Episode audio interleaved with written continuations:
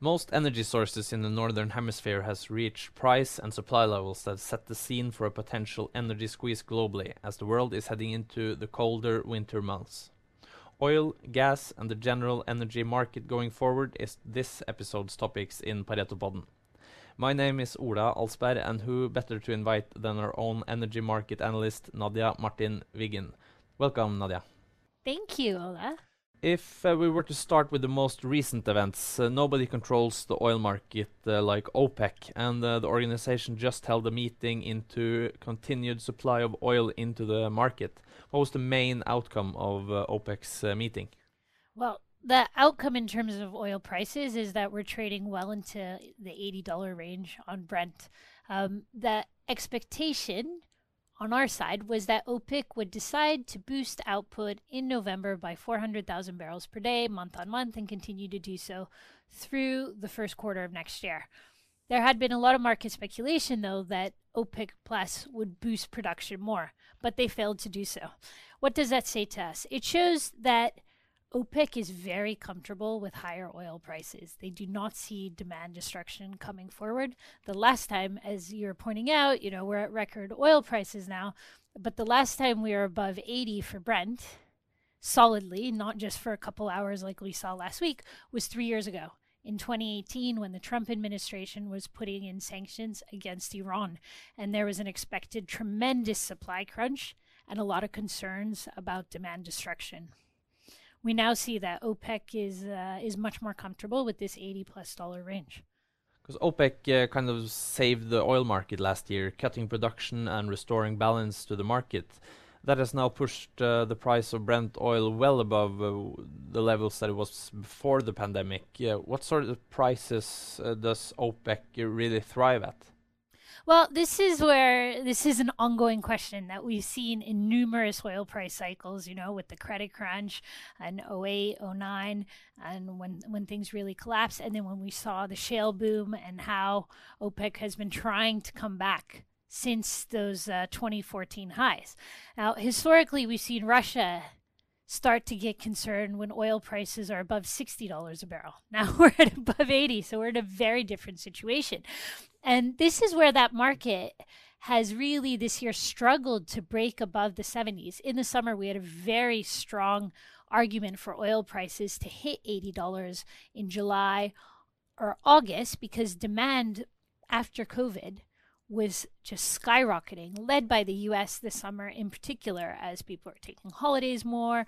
We started to have flying come back. Um, industry was booming, employment was fantastic. Um, so we, we, but we couldn't break beyond it. And this is something that I think of as a psychological barrier is that this is where we've started to see that demand destruction above $80 come into play, not least led by governments and central banks. And this is where, going into this OPEC meeting, for example, the Biden administration really appear, appealed to OPEC Plus to have them actually boost production more. Um, but that fell on deaf ears. We have had the Indian um, government releasing stocks from their strategic petroleum reserve rather than buy oil on the open market because they're concerned about these prices. We saw the Chinese do the same thing three weeks ago. But then last week, just before the OPEC meeting, the Chinese government did a complete about face and said, we must secure energy supply at any cost. So this threat that they had been posing to OPEC that if they cut, um, that if they don't boost supply enough, that the Chinese will not be buying from them, that they will instead be opening their strategic emergency oil reserves um, to their uh, economy. They they instead have said, okay, we'll pay for energy security at any price, and at any price is an actual direct quote. So going into this meeting, we suddenly had a much more bullish potential outlook for OPEC, and they decided to just say, "We'll take your money, and uh, we're not going to boost production more." We're now seeing energy prices at record highs. Brent oil is above $80 and at three-year highs. Uh, gas prices in Europe is up around 900% to its average and is uh, trading to the oil barrel equivalent of $200 per barrel in Europe. The carbon price is increasing, storages are low, and huge players like China is saying that they need energy at all costs. Uh, are we witnessing a coming energy squeeze? Absolutely. I mean, there there is an energy squeeze going on right now as everyone is fighting to have supply and have reserves as we head into the winter. However, we don't know if it's going to be a warm winter, a normal winter, or a cold winter. Now, we have a very recent memory of last year when we had very high stocks in the entire energy space after the whole demand collapse owing to COVID 19. However, we had very cold winters in Japan and Russia in particular. And as a result, they really drew down stocks. So this year, they are more prepared. And this is how they have already started to set things into play. And these two markets are very, very important because Japan, they have a lot of um, LNG import capabilities. And that LNG is the part of the gas market that is most tradable like oil. It can go wherever there is a need. And Russia themselves, they have also started to hold back some supplies to build up their storages. Now, Russia is the main exporter of gas to Europe. So when Russia is holding back and European stocks are very, very low, we didn't build them up over the summer because Russia was already low from last year. So they were building up their own stocks. Now we have this shortage of um, relative supply in, in, in our inventories. So Europe has started to build those inventories. Now, you mentioned the big player China, you know, which is just hoovering up all the energy commodities everywhere. And that includes coal and that includes um, natural gas and LNG and now oil. And they are spurring all of this together because they're very concerned about power outages. Um, and you know, we have seen big changes in the industries globally where you know when we look at the components of the energy mix um, you know we're, we're supposed to be moving away from coal. We're supposed to be moving away from natural gas. We're supposed to be moving away from oil. We're supposed to be moving away from nuclear energy. And now all uh, all these things are are stuck a bit mm. um, in various geographies on on how we do that. And that's where it has created a bit of a panic situation if we have a normal to cold winter.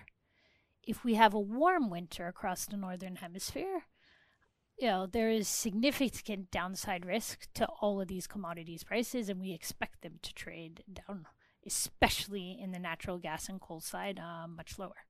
So how cold of a winter we're going to get is the key question. Uh, if we were to move over to the political scene, uh, we're used to seeing politics uh, driving the price of oil. Can the same thing now be said for uh, natural gas? Uh, yes, I think we're really seeing it quite acutely. I mean, when we look at this energy squeeze, particularly the situation China's in, you know, it all started because of coal, because China decided to embargo Australia's coal. And as a result, they created a squeeze on the coal market globally.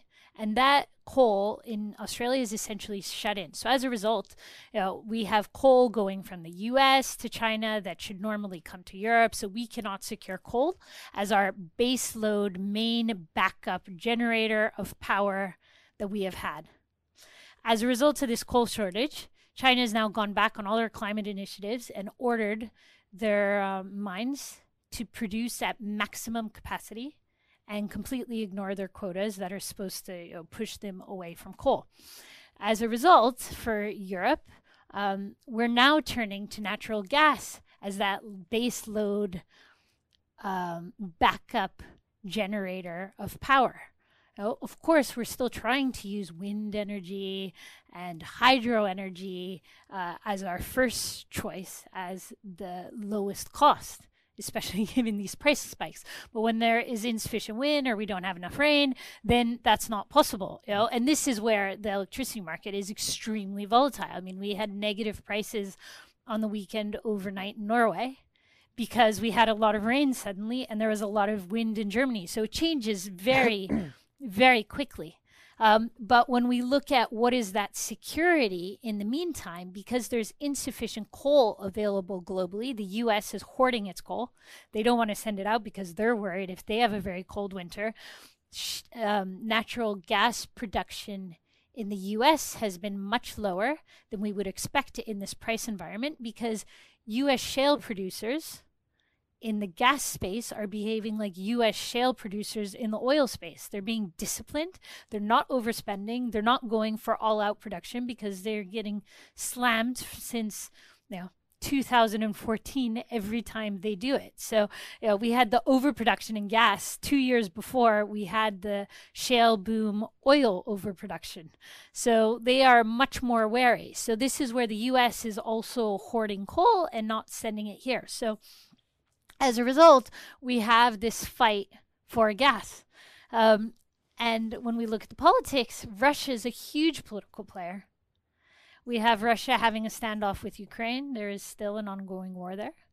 They do. They are showing that they do not want to maximize use of the existing pipeline capacity that that can send natural gas to Europe via Ukraine. And Russia is the biggest exporter to uh, to Europe uh, in terms of natural gas as well. I- exactly, and they are pushing instead, as in the Russians, to start up Nord Stream two, that pipeline that goes directly to Germany. Now, this is a big political mess because Ukraine is appealing to Europe and the U.S. and saying, well if you shut down or if you start up Nord Stream 2, then Russia doesn't have to use the pipeline via Ukraine at all and can potentially invade Ukraine and completely and just take over. And then the the political will of NATO and Europe to stand in the way if energy you, energy supply is already secured isn't as strong to prevent that from happening. So this is where the US Congress is now looking to pass a bill to sanction Russia further over Nord Stream 2. On the other side, we have Germany that is trying under Angela Merkel's government to push through allowance of this new pipeline, but Angela Merkel's government didn't win in the latest election. And the other parties especially the Green Party, is completely against Nord Stream 2. Um, and we're trying to see how that coalition is formed. So Angela Merkel's party is too scared to push through, in, in our view, a political solution on Nord Stream 2 until the coalition is is formed because the Green Party is the third strongest party, and then they might choose to create a coalition with the Socialist party that is actually led by Angela Merkel's finance minister. Now, that party has been very quiet on what they expect to do with Nord Stream 2. They, they have said a few weeks ago that they didn't think it was necessary. So it's a, it's a vague answer that they could be convinced one way or the other as they form this coalition. So this is where you know, the real holdup on getting massive supplies of gas into Europe is Russia. Yeah, because the, the pipeline is built, but but but it's yes. uh, lacking the the improvements or what's what's going on yeah. in terms of uh, in terms of getting getting the oil actually to Europe. Uh, the gas. Yeah. Is um well, it needs approval first by the German government, which typically takes four months once they get started, which they don't even have a government yet, and then they need uh, approval by the European Union Commission which takes a further four months. And then there are two more stages of discussions that can take up to, you know, you know, bring it out to 10 months. So we're going from, you know, it's ready to go. We even had positive news for the natural gas market in terms of lowering the price. That technical testing has started, you know, has been approved. Um, but we're, we're looking at the earliest of, say, eight to 10 months. Yeah M- maybe six if you just say that some things are, are fast forwarded, and that's that's after the winter. You yeah. Know, we're looking it's, at potentially it's, it's not July. even cold yet. yeah, exactly. So this is where, th- and that's what the market is pricing in. Mm. You know, earliest uh, March April comeback of Russian natural gas. I have either via solution or Nord Stream 2, or they could send it via Ukraine. And maybe they will do that once they know that Nord Stream is coming online. yeah. Nord Stream 2 is coming online. But that is where, you know, we, we see this additional perceived tightness, but that could change on a dime if a political solution is reached. And that is very much like what we've seen in the oil industry. Yeah. And the situation now also has called for uh, Equinor and uh, and the players on the on the, the Norwegian shelf to to up production to the mac maximum levels to to be able to provide that uh, gas for uh, for for Europe. Is uh, is is that something that might uh, might be continuing through the winter? Yes, well, we we expect them to continue to ramp up production, and what will be interesting is if it changes perception, because this is the other political side. Is one is what the governments do, the other is what the public believes. You know, and this is where a lot of these changes to renewables have been driven by public um, expectations and public desires, right? And this is where, when we look at, for example, Japan and the trouble they got into last winter, it was driven by the fact that after Fukushima, you know, there was a disbelief in nuclear power. They've been shutting down their nuclear reactions. Um, they've been looking at, you know, cleaner solutions. And as a result, they had a huge shortage. So now they are actually restarting all the nuclear power stations that they can. You know, in Germany, we see the opposite happening. Even though we have this energy s- supply crunch, we still see the German government going ahead with closing four gigawatts of their um, nuclear power capacity this year. And then all the political parties are in agreement that for next year, they will shut down the last 4.1 gigawatts of nuclear power. So it's down to zero, which in 2010 they had more than 20 gigawatts capacity. So it is a huge, huge difference. And this is where, you know, the politics and perceptions can potentially change. We've had in Norway where, you know, oil and gas exploration has not been supported. And we expect Norwegian gas production to peak in the next three years and then come down because additional exploration is not being allowed. But we see demand for additional gas. Mm. And so, but for more stability in the markets, we hope that will change and it will be allowed. And uh, do you think we should be prepared to see more volatile gas prices with an energy mix in Europe that's greener, since sun and wind are not as reliable power sources as, as fossil fuels? Well, we will see probably more um, fluctuations on the electricity price if we do not have a large amount of backup natural gas available. Mm. So that will very much depend on the exploration and production side. But if we have a lot of natural gas available, which we can you know, use in Europe or we can export further as LNG to other markets, then we should have, if we have that surplus, then we should have much more stability. The way we've historically had a surplus of hydropower, right, that creates that baseline of stability for us. With an uh, energy squeeze uh, globally, what, what triggers are there to dampen uh, the situation? First of all, warm weather. if we have a warm winter across the northern hemisphere, then the market will be much more all right because we have been building up these stocks. We're basically almost at the five year average for Europe, which just two weeks ago we were well below the range. Now we're in the range. We could approach the five year average if we continue at this pace, and China and other countries are taking steps forward. Then, of course, this early approval of Nord Stream 2 that hasn't been priced in, you know, higher gas exports via Ukraine by Russia. They've said, Russia said that they will export more uh, this year, 10% versus last year, but that has had no effect on the market. So the market doesn't believe it. The market has continued to trade higher. And this is where, you know, the increased coal production in China, if they ramp it up enough that we start to see that they're not importing coal anymore and that there's, you know, suddenly we have an oversupply in coal, then that also can can bring things down and of course a lot of wind and a lot of rain um, can can can help that as well. It will also have a significant impact on uh, oil as well because this is where we you know we see around half a million barrels per day, which is around five percent of the market, you know, being switched of oil production, um, being switched into substituting for natural gas. And that is again when we talk about, you know, energy stability. That last backup is oil. But that is something that we have really stepped away from in Europe. And Asia has much more flexibility to use oil than we do because they allow higher sulfur fuel oil, for example, to be used, whereas we have much stricter environmental standards. So that can also dampen our outlook on, on the oil price. Yeah, because we've gotten a question from uh, one of our listeners on Twitter if if the sale of oil is uh, kind of independent of price now that we are seeing oil prices uh, above 80 is uh, is the demand at all affected by the price? Currently, no. And that is because we've had so much monetary easing and support by governments after COVID. So, in a normal market, we would expect to see maybe some sort of impact.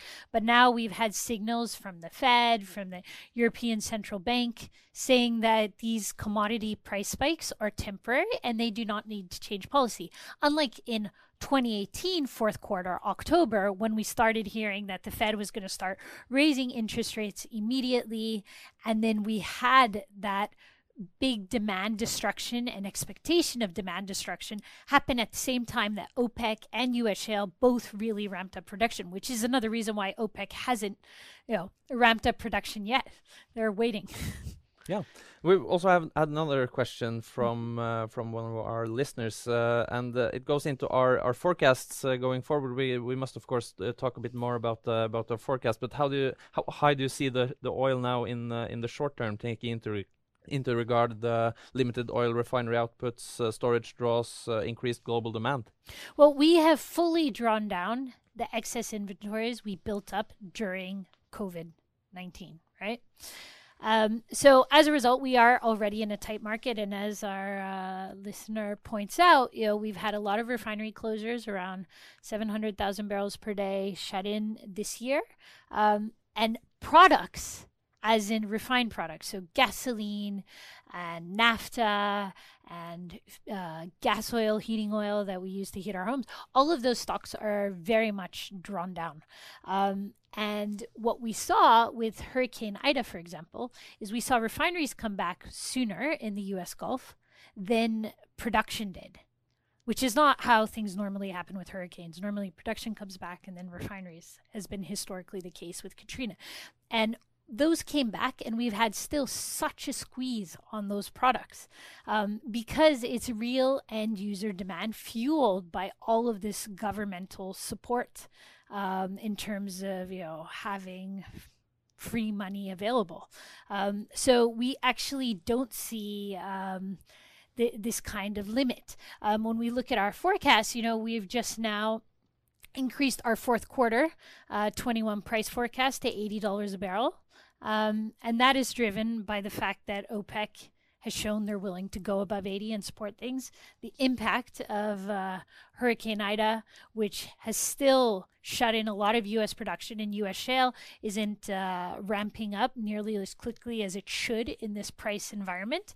And then, you know, the general tightness in the energy market. Now, how high can the price go? If we have a cold winter, upper 80s for sure. And when we look towards the first quarter of next year, it would go even higher. In general, our outlook already has been, you know, since since the summer that next year will be a strong year for oil. We have a $75 average price forecast that comes down a little bit in year end because then we start to see a little bit of a stock build as US supply builds up. But now we see this momentum having come forward to now. Um, so you know, we could be in quite a stronger price environment next year, um, fueled by all this uh, monetary policy and OPEC Plus maintaining discipline that we've basically never seen before. Yeah, and in our um, on our uh, energy conference in September, we spoke a lot about the energy transition that is now underway, uh, where uh, the west, especially the Western world's energy mix, is going uh, greener and with more electrification, and uh, that uh, meaning less oil and gas. how does the electrification and energy transition trends affect the, the long term uh, oil price, oil and gas price outlook? So we have maintained our sixty dollar um, long term oil price outlook, and that is because it's reasonable, it's conservative, it's the minimum we need to get through this transition, but it will absolutely overshoot uh, for significant periods of time. And this is because we've had investment disappear from the oil space fully. It's the opposite of what we saw in 2007, 2008. Pension funds are rarely investing in oil. So, what it means is when we're building our balances for supply, the way we used to do it versus demand, we would look at okay, at $60 a barrel oil, how much demand will there be for oil based on price elasticity? How much supply can be created for $60 a barrel? But what we've seen is because of this pressure from energy transition, from shareholders, from politicians, from subsidies, we're only sanctioning projects that have a break even price of 30 to $45 a barrel. At our conference, the highest price I heard from any of the companies presenting was $45 a barrel. So that means we throw out the $60 and we only have supply coming in at $45 a barrel. Now, that is a much lower amount of oil coming into the market, which then creates a squeeze again, which then makes the oil price pop higher. Now, we've been trading at $70 for many months. Now we're at $80. I haven't read a single headline or heard of any company saying we're sanctioning a new oil field or a new project at $79 a barrel or $82 a barrel. And so that is the big change. Having said that, from the demand perspective, we do see that, you know, in 2024 to 2028, you know, that's when we see this demand destruction really taking force. And it depends how quickly we can get through these teething problems that we've seen in the energy and in industry on how quickly that demand falls. Nevertheless, given the supply side that I've just explained, we still see very tight markets and significant draws um, in oil. And your outlook into natural gas, uh, what do you think we can expect on uh, the natural gas scene? We do not expect prices to continue to uh, stay this high. I mean, right now the momentum is higher and we accept and understand that, but we expect that this will slow down and that you know, the market re- will rebalance itself. And you know, if we compare to what we thought natural gas would look like six months ago, of course there is we, we believe it will be structurally stronger, but we see a lot of downside to where prices are for the winter and especially next summer next year. So we expect those to come down. Yeah, and uh, into the oil market, uh, you're clearly clearly bullish for the coming year. Uh, is this the last oil price boom cycle that we're uh, about to see? You think? Absolutely not. We're we're looking at three years now in a row, you know, through 2023 of strong oil prices, you know, in the 70s and higher. And then the real tightness comes post 2025 because that's when the underinvestment owing to the energy transition really hits things. So 2025 to 2030 is going to see the super cycle yep. that uh, that we love in Norway. Nadia Martin Wiggen, thank you so much uh, for uh, joining our podcast. Thank you. Hej, det här är Matilda Karlsson från Pareto Securities i Stockholm. Vi har även en svensk podd och varje onsdag så kommer det ett nytt avsnitt där jag pratar med olika investerare och förvaltare. Så passa på att lära dig lite mer om den svenska aktiemarknaden och lyssna på Pareto Podcast i din podcastapp. Och så minner vi om att informationen i podkasten her ikke må ses på som investeringsråd. Eh, placeringar i verdipapirer medfører til enhver tid risiko, og historisk avkastning er ingen garanti for framtidig avkastning.